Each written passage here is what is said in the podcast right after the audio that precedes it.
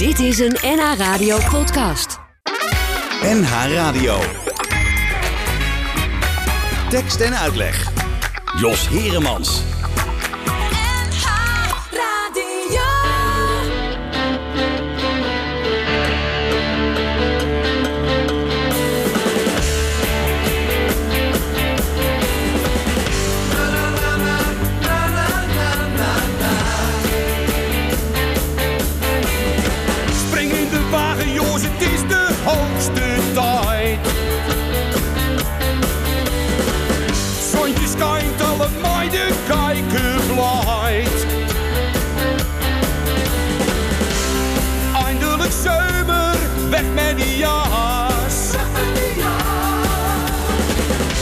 Mooi zitten doen kijken op het terras.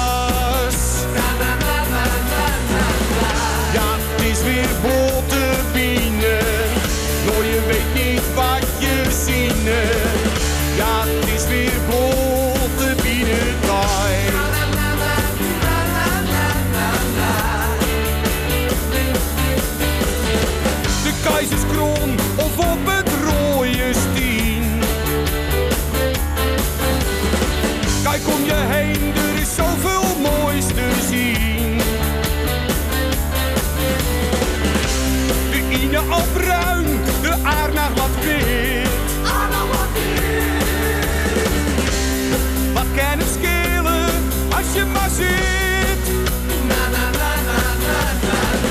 Ja, het is weer vlotte bienen. Nou, je weet niet wat je zien. Ja, het is weer vlotte bienentijd. Ja, het is weer vlotte bienen. Nou, je weet niet wat je zien. Ja, het is weer vlotte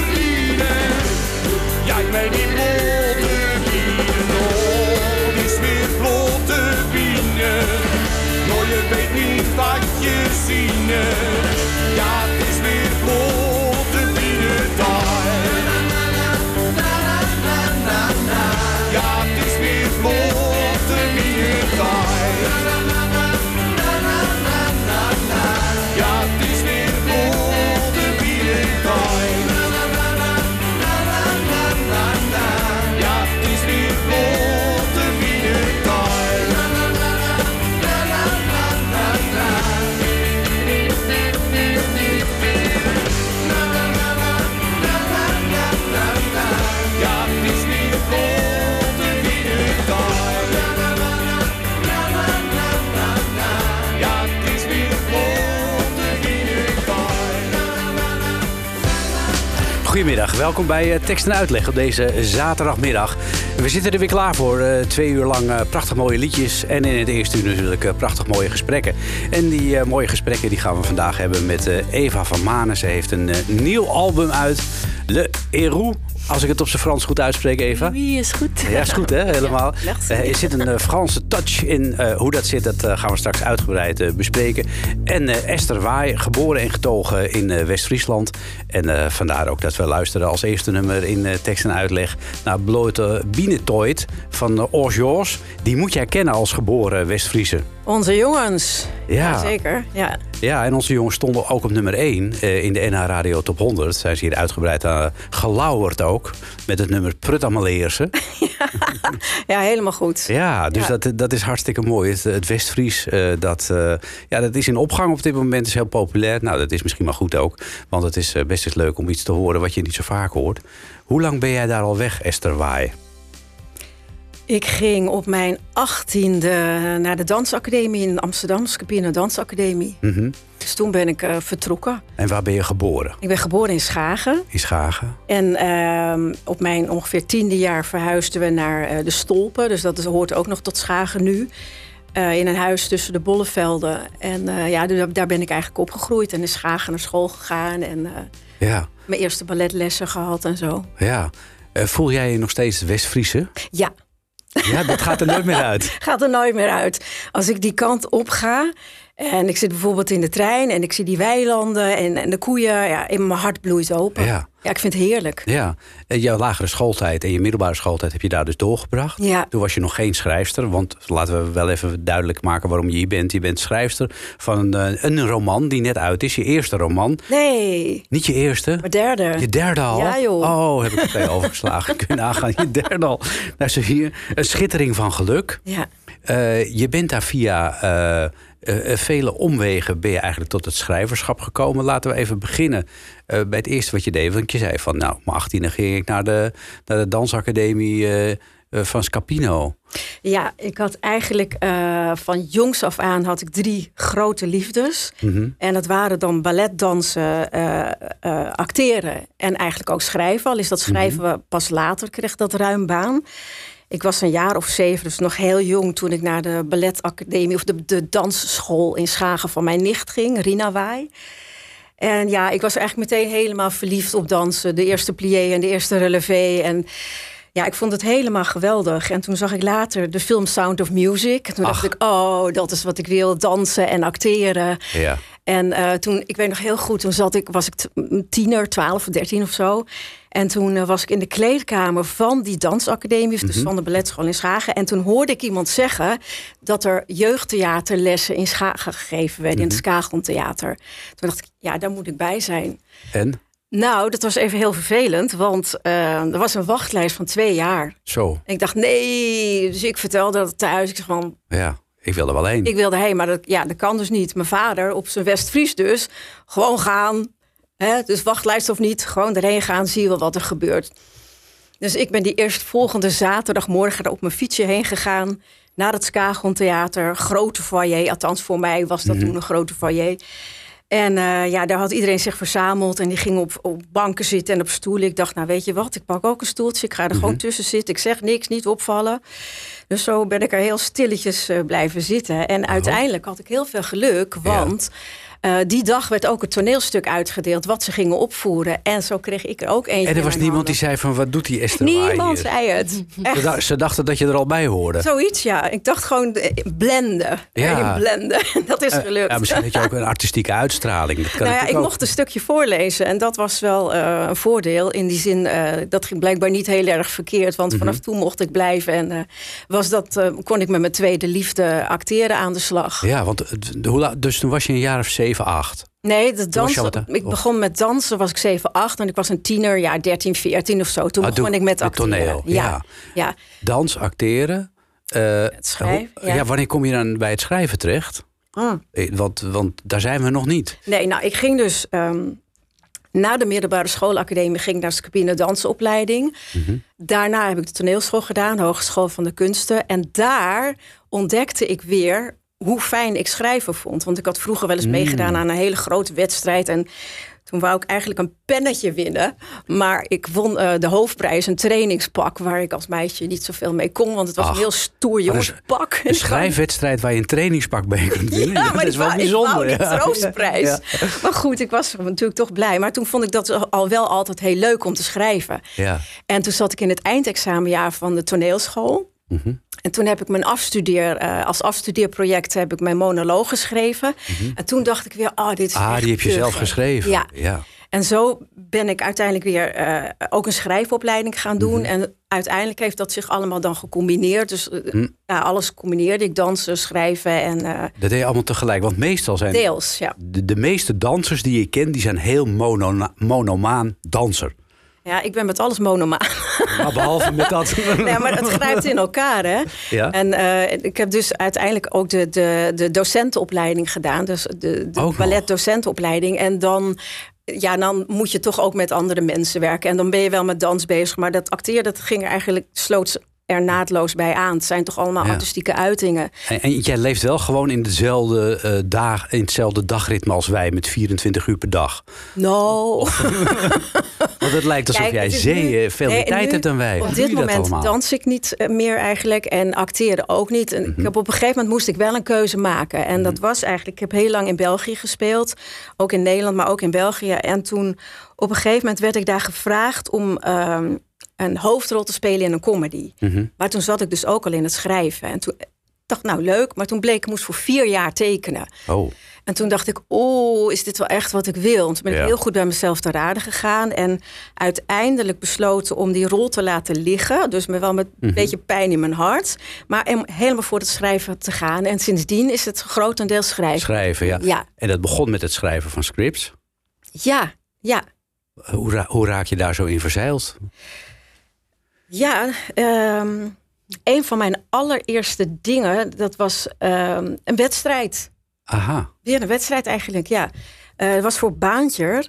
En eh, daar kon je je dan voor inschrijven en meedoen. En van al die mensen die dan meededen, werd er eentje, zou er gemaakt worden. Oh, dat is leuk. En dat was mijne. Dat was de jouwe. Dat werd de mijne uiteindelijk. Dus zo ben ik erin gerold. Hoe heette die? Baantje en... Baantjer, eh, dat was de kok en de dode duivenmelker. Nou ja, dus als we die terug willen kijken, dan, kunnen, dan heb jij die geschreven. Heb ik geschreven. Was dat is mijn wel- allereerste ja, Ja, wat leuk, zeg. scenario. Hoe is dat met jou, Eva? Want jij bent muzikant. Eh, heb jij ook eh, vroeger gedacht van ik wil eigenlijk acteur worden of eh, nou ja, loodgieter of whatever en ben je uiteindelijk muzikant geworden? Of zat, was jij heel doelgericht ik wil muzikant worden? Ja, ik wilde wel. Ik wilde liedjes schrijven en muzikant worden. Of, dat, of ik speelde gewoon al sinds ik me herinner piano. En, en, maar ik heb wel in een omweg de toneelschool gedaan. Ook dus dat, nog? ja, Oh, dat heb ik eigenlijk gestudeerd. Maar toen ben ik. eh, en daar had je ook wel muzieklessen. Maar toen ben ik. Was wel best wel duidelijk ook op die school van ja, dit hier heeft ze een problematisch op de rapport voor een act, camera acteren of zo. oh ja. Dus ze gaat toch muziek maken. Ah ja, ja, dus je krijgt geen cijfer, maar je krijgt de term problematisch dan op je rapport.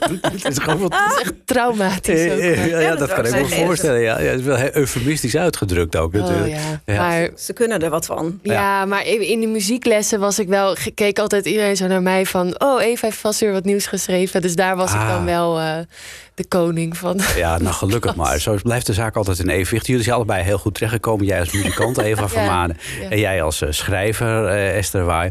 Ehm, we gaan het zo hebben over jouw boek, Esther. Een van geluk. En een van de nummers eh, die mij eh, door het hoofd schoot toen ik jouw boek las... was het volgende.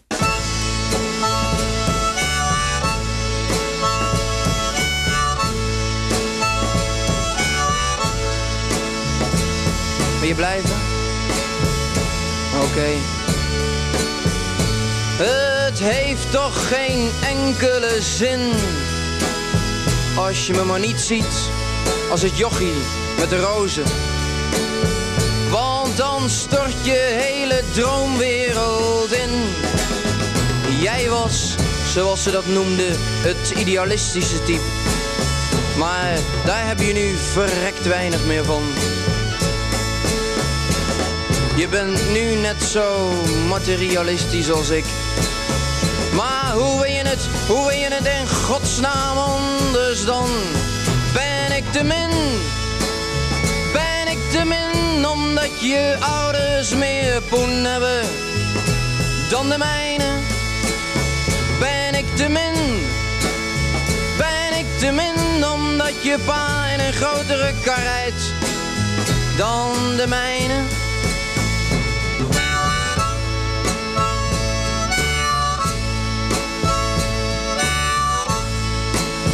En toch wil je blijven. Maar je pa die wil het niet. Ik denk dat je beter kunt gaan. En je moeder, die doe je ook veel verdriet. Als je thuis komt zal ze zeggen, wat doe je me aan? Jouw moeder, die ik moest aanhoren met haar achterlijk gezwam over de studie van je broer.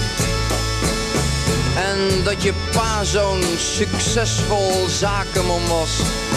Met andere woorden, wat ben jij een boer, maar ben ik daarom te min? Ben ik te min omdat je ouders meer poen hebben dan de mijne? Ben ik te min? Ben ik te min omdat je pa in een grotere kar rijdt dan de mijne?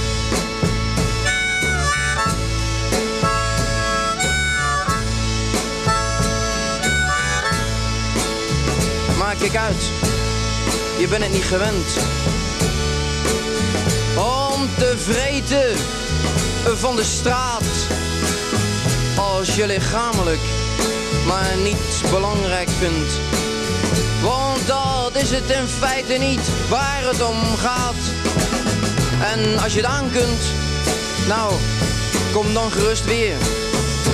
En anders, dan donder je maar op. Want het is echt niet dat ik niets om je geef. Maar zo duw je je hoofd in een strop. Maar ben ik nou te min? Ben ik te min omdat je ouders meer poen hebben dan de mijne? Ben ik te min? Ben ik te min omdat je pa in een grotere kar rijdt dan de mijne?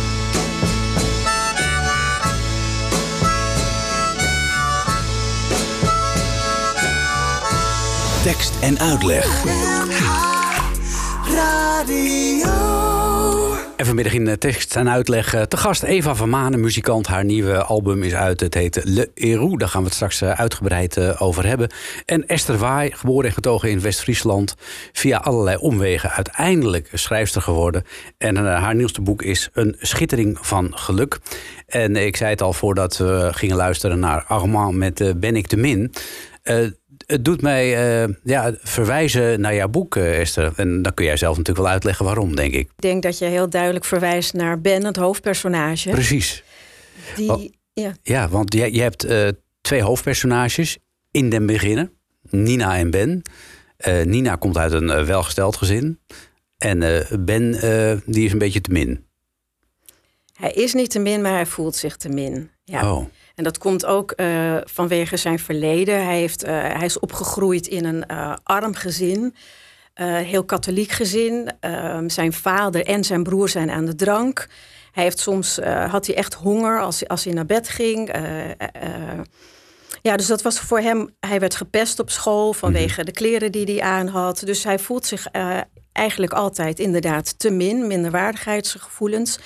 En op het moment dat hij Nina ontmoet en ze ja, beide verliefd op elkaar worden, kan hij het eigenlijk niet geloven. Dat geluk dat hem dat nu wordt toebedeeld.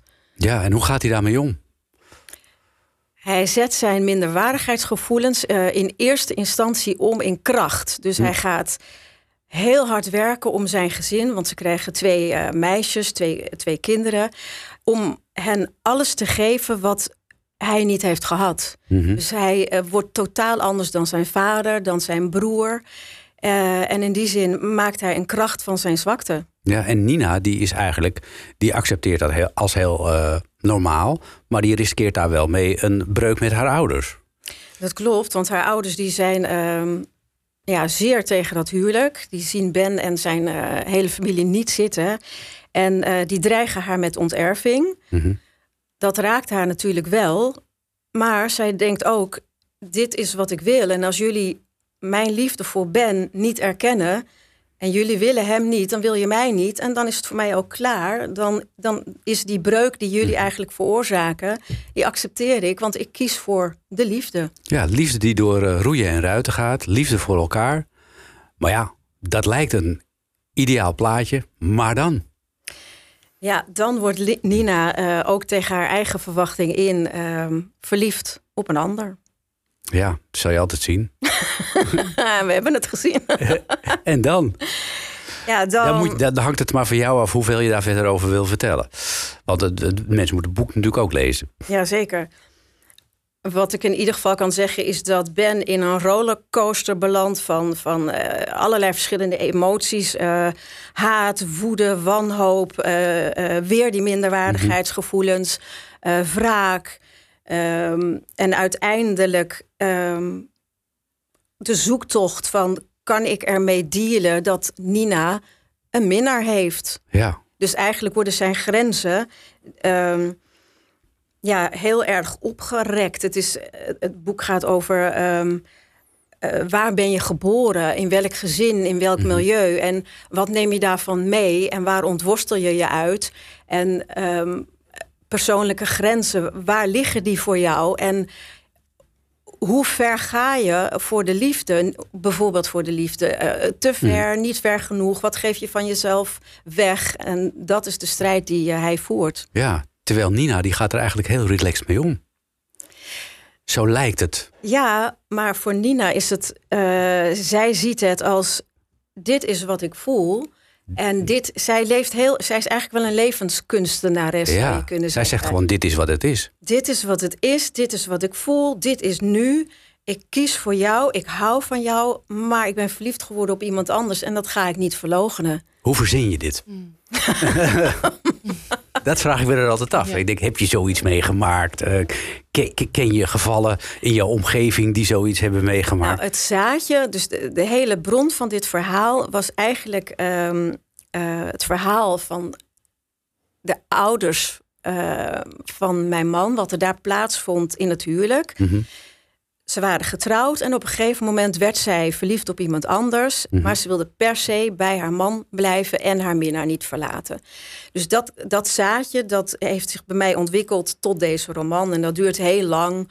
Tot het, Eh, ja, het schrijven gaat bij mij zo van... eh, je hebt dat zaadje en dat gaat dan borrelen en borrelen. En op een gegeven moment dan groeit het. En dan worden het in mijn hoofd allemaal eh, takken, als een boom, Mhm. zeg maar. ja. En die volg ik dan allemaal tot op een gegeven moment denk ik... ja, dit is het, dit is het, dit is het. Maar het worden eerst steeds meer en dan heb ik het. Ga ik schrijven. En dan weet je ongeveer het begin en het midden. En toch het spannende dan is... is als je dan toch ineens verrast wordt... door wat je karakters ineens gaan doen. Wat ze ineens zeggen. En denk oh, dat had ik eigenlijk zelf niet Dat bedacht. vloeit zo uit je pen. en dan weet je dat je goed Dan zit. zit je op je eigen flow. Heb jij Ja. zoiets wel eens meegemaakt, Eva van Manen? Ja, ik, ik schrijf natuurlijk iets kortere bogen, omdat ik meestal nummers schrijf, maar, eh, of, of poëzie. Maar da- daar gebeurt, kan hetzelfde wel in gebeuren. Dat Ah, je oké. personages in nummers hebt en die gaan dan opeens nog iets doen. En dan is er achter de bocht nog een andere. Ah, die leiden gewoon hun eigen leven dan. ja, en dan denk je, oh, wat ja, natuurlijk, dit kan jij doen. Of dit, wat erg voor je, dan zit je mee te leven. Ah, ja, ja, wat wonderlijk kan dat toch gaan. Ja. Hoe is dat ook zo gegaan met het plot van jouw boek, Esther? Dat de, de plot zich vanzelf aandiende? Het eind, om het zo maar te zeggen. Ja, ik kan dat natuurlijk niet verklappen. nee, je moet niet verklappen. Maar alleen of, Ehm, maar of, het, nou, of, je, is- of je het, idee had aan het begin van het schrijven van het boek. En dan loopt het zo af. En dan maak ik daarvoor maak ik de weg ernaartoe. Nee. Nee. Nou, Oké. Want ik was een heel stuk en dat einde, want er zitten meerdere kantelpunten in het verhaal. Mhm. Sommige daarvan eh, heb ik uitontwikkeld en die laat je dan weer los of niet los. Maar eh, er zitten zeker ook punten in die ik van tevoren absoluut niet bedacht had, maar die ontstonden door de situatie. Hmm. Ja, mooi is dat. Ja.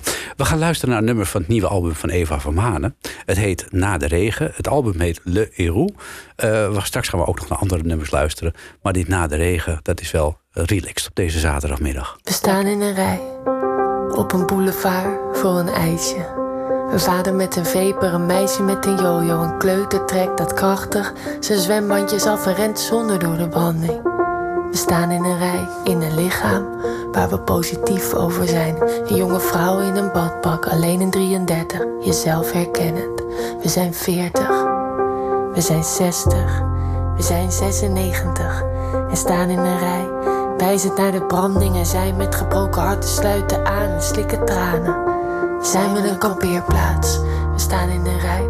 Om een hond te aaien, om een huis te kopen of een vorm te vinden. We staan in een club. In een haven, het casino en meiden die in bikinis hangen in hun heupen. We staan in een rij zoekend naar een antwoord. Houden ons hart vast, kijken voor ons en om naar wie er achter ons ook in een rij staat. Omdat er iemand zijn, niet meteen kijken, dus jij meteen kijken. Want zo gaat het altijd. Terwijl je kijkt naar Eline die maar woont nu en Olieven in Berlijn. Dat het verveelde, dat er iets misging. Je regenjas lekt, je energie weglekt. De mensen staan in de rij, vechten voor exclusieve sneakers of een slagboom en een paspoort. Een identiteit voor een idee. Een kassa bij Ikea, een vooruitblik op een boxspring in een onesie. Een huis of een vakantie en dat je bang bent. Misschien onbewust bang bent. Totdat de regen, voordat de regen, totdat de regen en alles stilvalt. Totdat de regen en alles stilvalt. Stilvalt de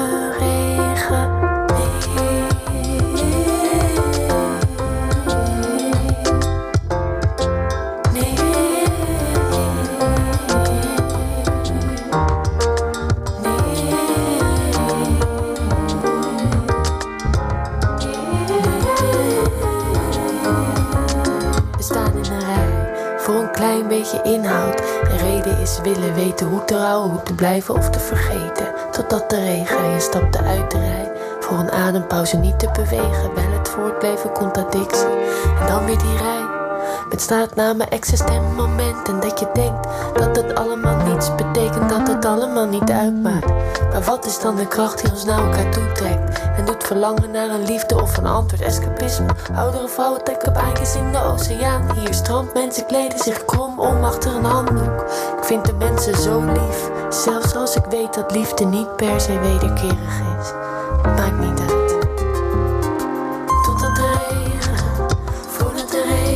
Totdat de regen en alles stilvalt.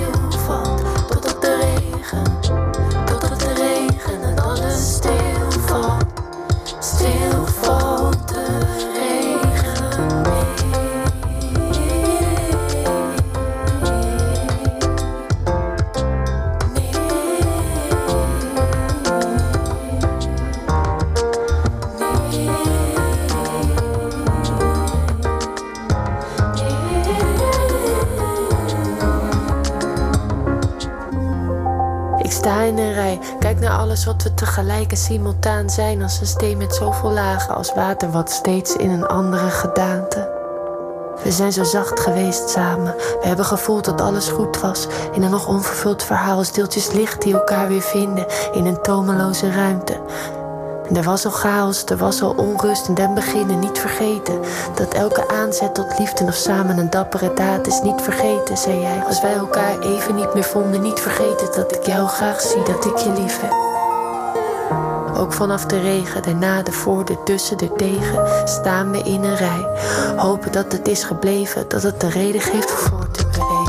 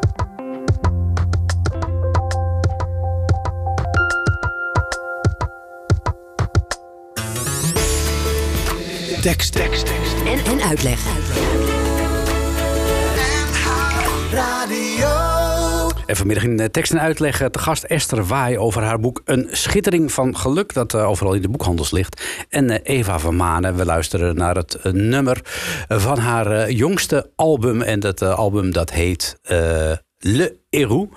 Nou Eva, verklaar de titel. Laten we daar maar eens mee beginnen.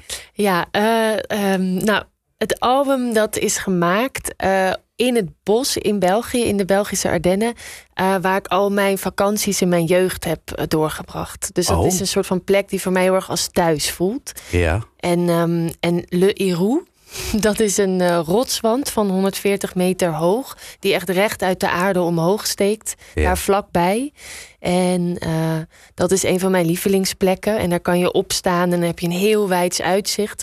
En tegelijkertijd is het leven natuurlijk ook soms eh, eh, iets waar je als een berg tegenop ziet. Dus vandaar de titel, dat ik dacht dat is wel een Ah. mooie metafoor eigenlijk voor die twee. En, en waarom wilde je daar zo graag eh, zitten om een album te maken?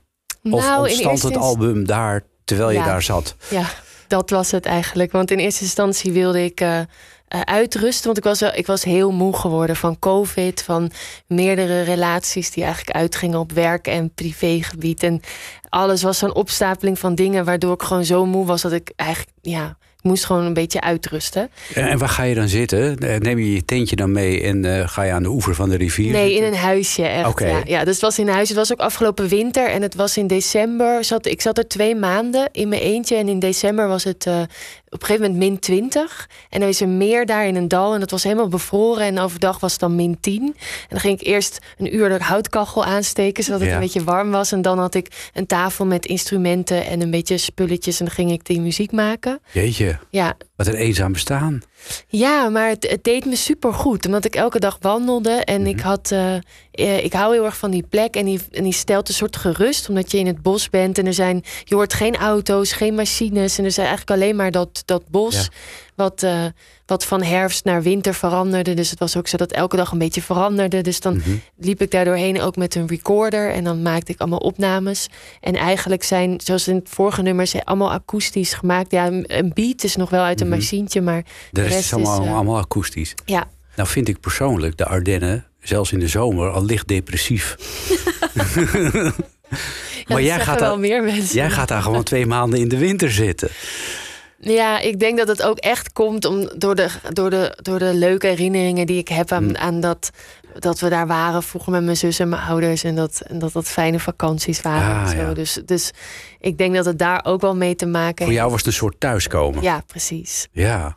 En het is en zeker waar. Je hebt daar ook van die ontzettend deprimerende frietkotten met waar de jus zo dingen in bakken jus staan. En van die bruine bomen altijd.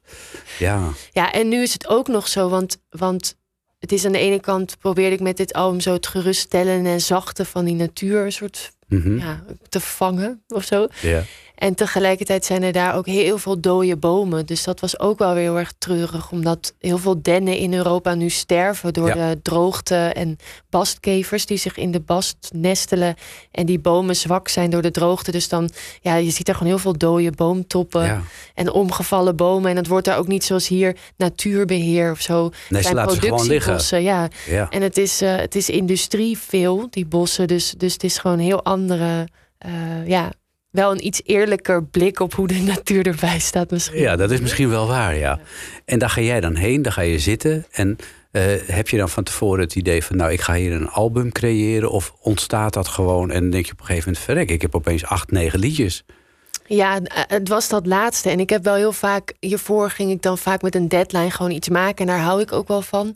Maar nu was het eigenlijk meer om mezelf. Muziek maken is toch mijn vrije plek of zo. Daar kan Mhm. ik in vrij nadenken. Of als ik muziek aan het maken ben, dan word ik gewoon blij. Dus ik dacht, nou, ga gewoon, zolang als dat ik energie heb op een dag, een beetje muziek maken. En daar kwamen deze dingen uit voort. En ja, op een gegeven moment dacht ik, toen kwam ik terug. Toen was januari, toen dacht ik, oh, nou, Best goed. Best wel goed. Ja. Het gewoon maken, ja. Ja, wat leuk zeg. Ja. Hoe doe jij dat, Esther, als schrijfster? Eh, ga jij ook in een, in een huisje in de Ardennen zitten? Of heb jij andere plekken waar je inspiratie op doet? Nou, ik schrijf eigenlijk op één plek. En dat is gewoon eh, bij mij thuis. En daar zit ik eh, heel veel uren per dag. En als ik. eh, mijn inspiratie komt en van binnen. En van eh, dingen die ik ooit heb meegemaakt. Of Hm. gezien heb. Of, of gehoord heb. Of ik loop op straat en er gebeurt iets. Of er valt net een woord. Ik denk, oh, oh, oh. Ja. En dan, brrr, dan gaat dat weer. Ja. Zou dat ook wat voor jou zijn? Twee maanden afzondering? Ik leef eigenlijk best afgezonderd. Je meent het. Ja, Hoe komt Ja. dat? nou, omdat ik schrijf. Oh, ja, ja. En ik ben ook best wel op mezelf, dus ik, Mhm. ik kan dat ook heel goed. Dus ja. eh, ik weet niet of ik zou durven wat jij dan doet. Om daar in je eentje Mm. eh, naartoe te gaan en daar dan te gaan zitten. Ik heb wel altijd een soort van veiligheid van een huis nodig. Mm. En, eh, ja, dus dat weet ik niet, maar Ja. zeker wel in eenzaamheid. Wat, Ja. wat moet je doen om zo goed eh, met jezelf eh, in overeenstemming te komen om dit te kunnen doen? Ik ben gewoon als mens nieuwsgierig. Ik zit misschien iets anders in elkaar. Ik ben gewoon nieuwsgierig hoe je dat, hoe je dat doet. ja, jezelf toch wel door het punt heen. Want we hebben allemaal dat punt dat je denkt: oh, ik heb geen zin, mijn knie doet pijn, ik heb honger, ik heb Mhm. vandaag zin om naar de bioscoop te gaan, ik wil niet. En om dan toch door dat, door dat punt heen te gaan en te zeggen: oké, je weet het gewoon nog niet, maar gewoon die uren erin stoppen en de, Hm. ja, gewoon de discipline of zo. Ja. Ja, Dus zoals mij- bij jou ook. Nee, is voor mij anders dan Oh. Toch. Ja, Ja. want ik heb eigenlijk niet zozeer zeer van... ik heb geen zin of het is bij mij eerder van... er zit zoveel. Mhm. Hoe krijg ik dat eruit? En hoe krijg ik op de goede manier eruit? Dus ik hoef ook niet zo naar de bioscoop. Ik wil gewoon dat dat er op de goede manier uitkomt. Oh, oké. En ben je daar... Heerlijk. En, en ga je dan gewoon eh, vaste tijden dat je zegt, ik schrijf iedere dag van 10 tot 5? Nee. Niet. Als ik wakker word. eh, Kijk, als ik ga slapen eigenlijk dan eh, zit het allemaal nog in mijn hoofd. En die karakters gaan dan en de plotjes gaan dan. En als ik wakker word, dan sta ik ermee op. En dan ga ik ermee aan de slag. En dan ga ik wel de hond uitlaten. Maar dan nog Gaat het door? gaat het gaat eigenlijk bijna altijd wel door. En ligt er dan een bloknootje naast je bed? Altijd. Oké. Maar heel vervelend, want ik, 's morgens kan ik het niet meer lezen. Oh, dat is wel lastig. Doe jij dat ook zo, Eva? Ehm, ja, ik heb wel notities in mijn telefoon. Er zijn echt een drie- 900 miljoen notities met zo zinnen dat je denkt, ja, Oh ja. wat wou ik hiermee zeggen? Maar soms ook, Maar die spreek je dan in ook, hè? ik spreek het in en Ja. ik neurie ook. Ik zing ook op de fiets inderdaad refreinzinnen. Dat doe Oh, ik ook. En dan, en dan vaak heb ik daar ook echt wat aan. Of ik loop door het bos en dan verzin ik een, een, eh, een refreinzin. En bijvoorbeeld in mijn vorige album staat het liedje eh, Regenpak. Mhm. En dat verzon ik toen ik ergens liep. En toen kwam ik thuis en dacht ik, huh, dit, dit is een 7 achtste. En toen heb ik dat zo gelaten. Want dacht ik, nou, iets Prima. het universum heeft me Hey, verteld. Dit is een 7 achtste maat. Ja, dus Ja. dan let's go. Gewoon zo. Hoe is het eh, nummer Vergeet het niet eh, ontstaan? Kun je je dat nog herinneren? Ja, dat de inhoud van de tekst spreekt denk ik best voor zich. Want ik had liefdesverdriet. Maar ehm, ik zat op het balkon in, in, op die plek in België. En er is zo'n bos eromheen. En toen luisterde ik naar een soort ambient muziek van iemand... eh, eh, die maar doorgaat en in een soort toonsoort... Mhm. wat ik denk in C, want dit liedje staat in C. En toen, eh, en toen zong ik eigenlijk deze teksten overheen. En toen heb ik dat allemaal uitgeschreven, want het was veel langer. Toen heb ik het zo gedestilleerd tot een lied. En toen heb ik het ook, deze opname is ook helemaal live opgenomen daar in het eh, bos. In het bos. Ja, en dan later is wel de wind en de, en de krakende dingen die je hoort, die zijn er dan nog Die heb je eruit. eh, Oh, die heb je er opgelegd. nee, die zijn er weer opgelegd, want ik heb het binnen gewoon met gitaar en zang Ah. opgenomen. Ja. Ja. Dames en heren, eh, sluit uw ogen. Waar nu in een Belgisch bos en luister naar Vergeet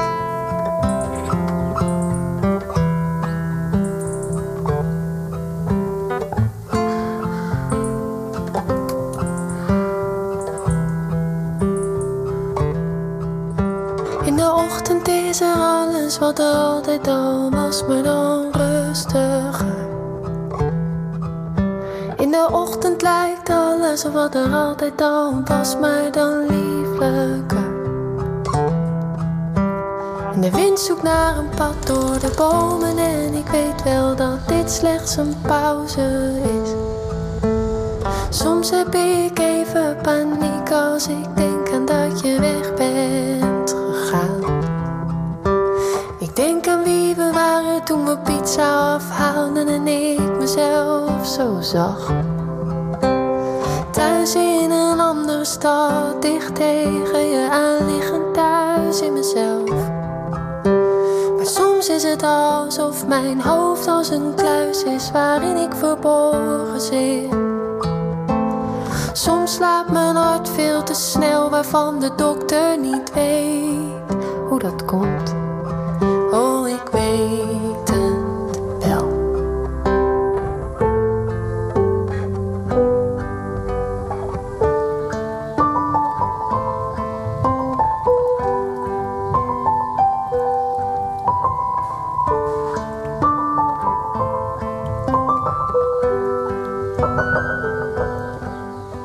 Ik denk aan dat alles ergens in je lijf blijft, dat denk je er zelf niet meer aan. Denk dat als alles met een reden of een plan is, het lot wat zegt dit hier nu dan. En dat het universum of God wel een plan heeft, dat dit slechts ijdele hoop is. Ik betwijfel of je zelf een geraamte of dat ergens het verstaan van de wereld genoeg is. En ik vraag me af hoe jij dat ziet.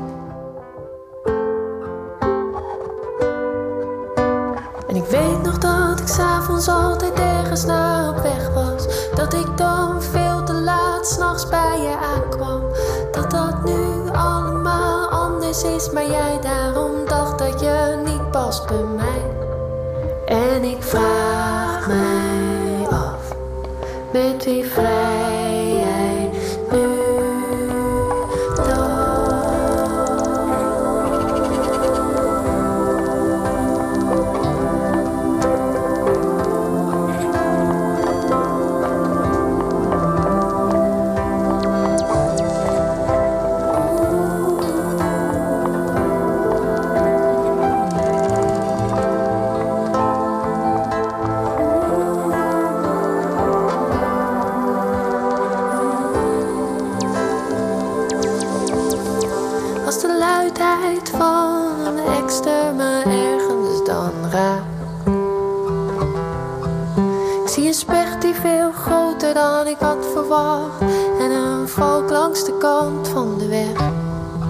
Wat dus simpel is, dat ik jou soms mis.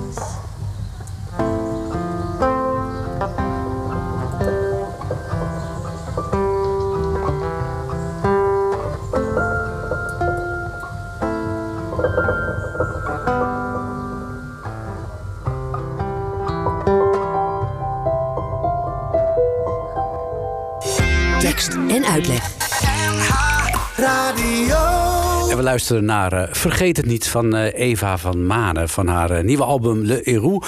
Eh, geschreven en bedacht en ja, op muziek gezet in de Belgische Ardennen. Je bent nu weer terug. Dat betekent het album is klaar. Mm. Dan gebeurt er altijd van alles. Je hebt al je album gepresenteerd in Ja. Amsterdam-Noord in de Tolhuistuin. Lekker buiten. Ja, was leuk. En, en nu?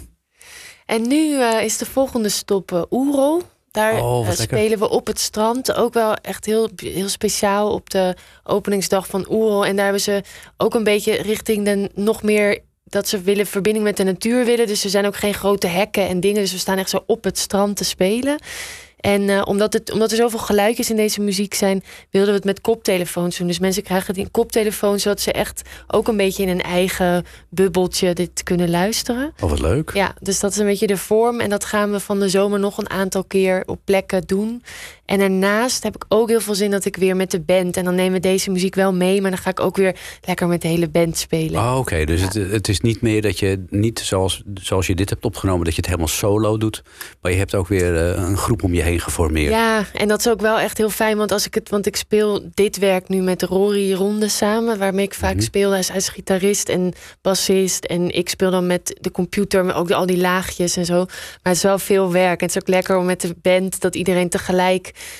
Want hier hoor je bas, gitaar, piano. Dat heb ik allemaal zelf ingespeeld. Mhm. Maar dan kunnen zij daar ook weer iets aan toevoegen vanuit hun. eh, Ja, je kunt ook wat variatie aanbrengen, want je kunt natuurlijk ook nummers van jouw eh, eerdere albums al ja, spelen. precies. En dan kunnen we gewoon een mooie show weer maken. Dus Ja. dat is leuk. Ja. Ja, fantastisch. Ja. Eh, is het nu zo dat je geen behoefte meer hebt om je twee maanden af te zonderen? Ben je nu weer Eva van Manen in een hele andere flow?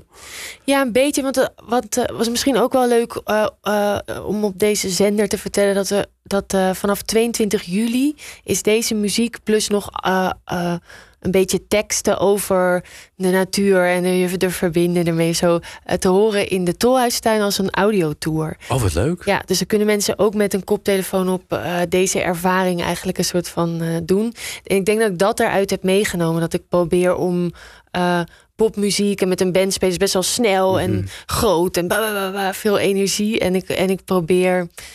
Ik weet niet, ik denk dat daaruit voort is gekomen dat ik ook een beetje deze rustiger Eva Ah, ja. ook wel een beetje Rustige in vorm Eva. eh, ja, ja, ja. Het is een soort eh, Amsterdam-Noord meets de Ardennen wordt het dan. Ja, precies. Ja. Ja. Nu heb je ook, je, je nam een heel stapeltje eh, fantastische eh aanzichtkaarten mee. Met op de achterkant staat dan een, een, ja, een, een QR-code.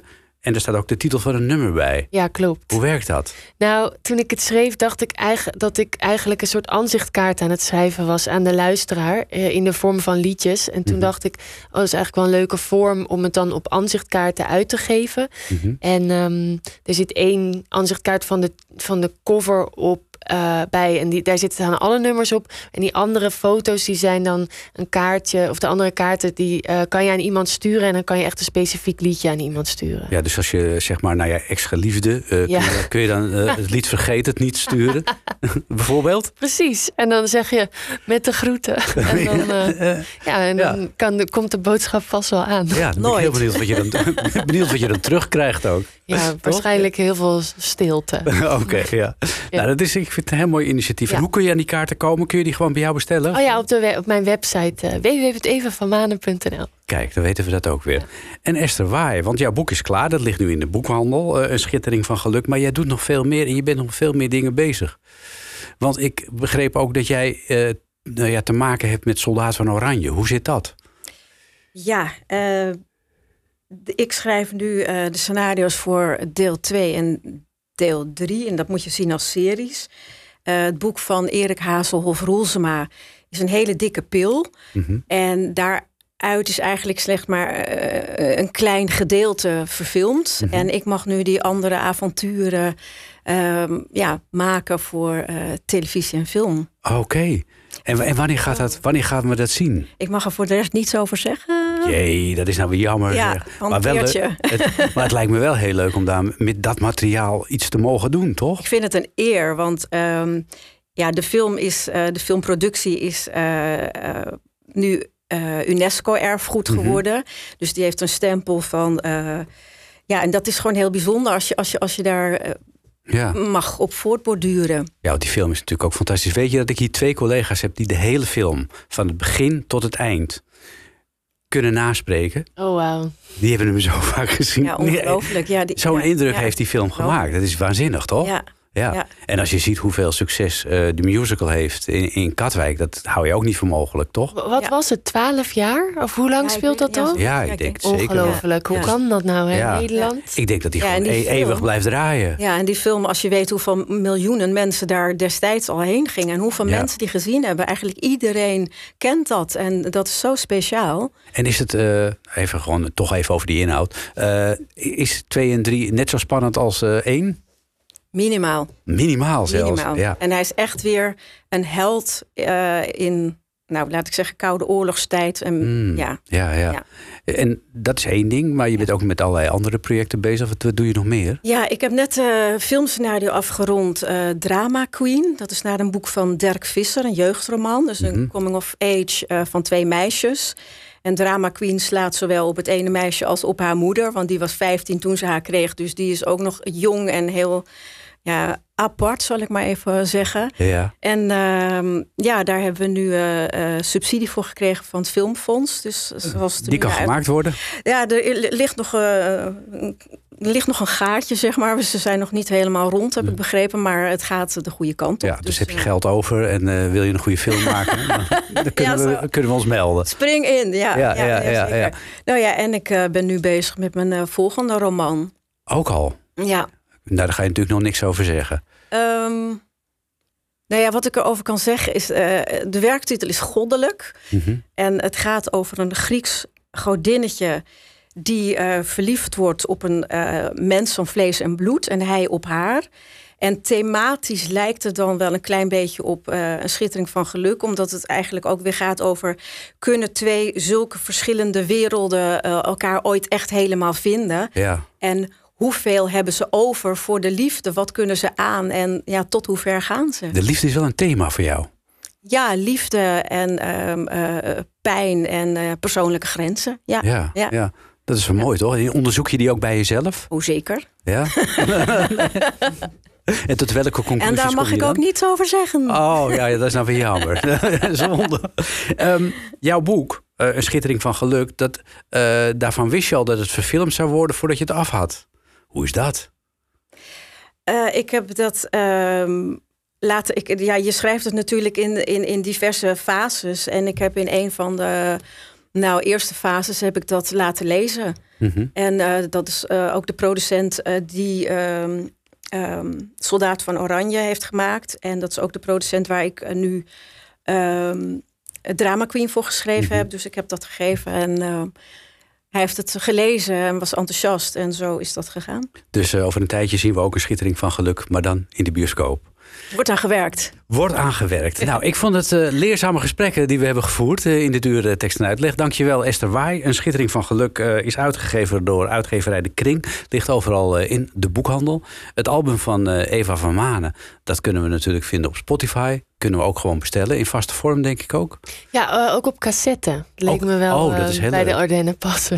ja, dat is een hele ouderwetse, ja. ja. Eh, via evavanmanen.nl, Ja, denk ik. klopt. Ja? Ja, Ja. En verder natuurlijk op alle bekende streamingskanalen. Eh, bij evavanmanen.nl kun je ook dus die prachtig mooie aanzichtkaarten krijgen. Met een, met een QR-code erop. Zodat je je geliefde of je ex-geliefde of wie dan ook een kaartje kunt sturen met een liedje erbij. Het album heet Le Héros. Ik dank jullie allebei en ik wens jullie nog een hele mooie zaterdagavond. En we gaan luisteren naar, eh, tenslotte naar eh, Zwaartekracht.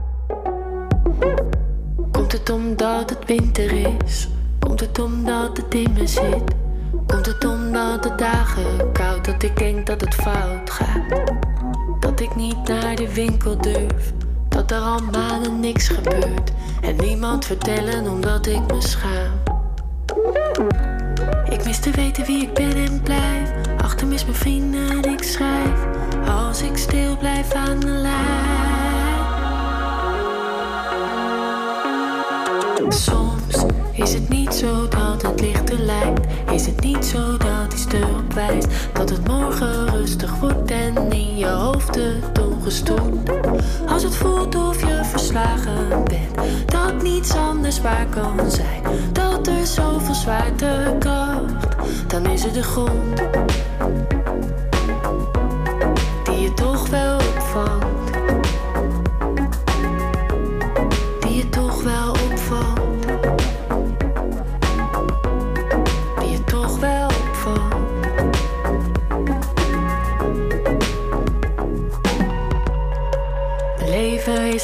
Fantastisch. We denken haast intergalactisch. Dan is er met mij toch vast iets waarom ik niet vrolijk ben. Haal de naald van de plaat dan, als het echt niet meer gaat dan. Weet dat jij niet bestaat uit droevige gedachten. Is het niet zo dat het licht er lijkt. Is het niet zo dat iets erop wijst. Dat het morgen rustig wordt en in je hoofd het ongestoord. Als het voelt of je verslagen bent. Dat niets anders waar kan zijn. Dat er zoveel zwaartekracht. Dan is het de grond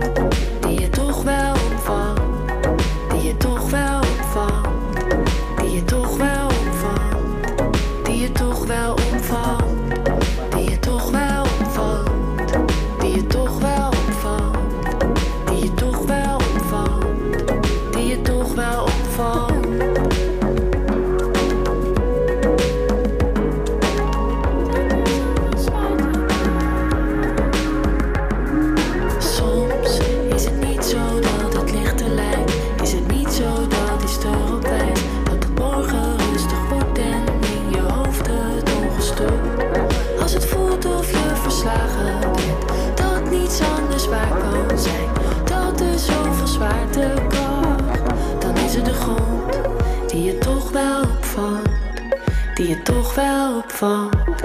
Die je toch wel opvangt. Die je toch wel opvangt.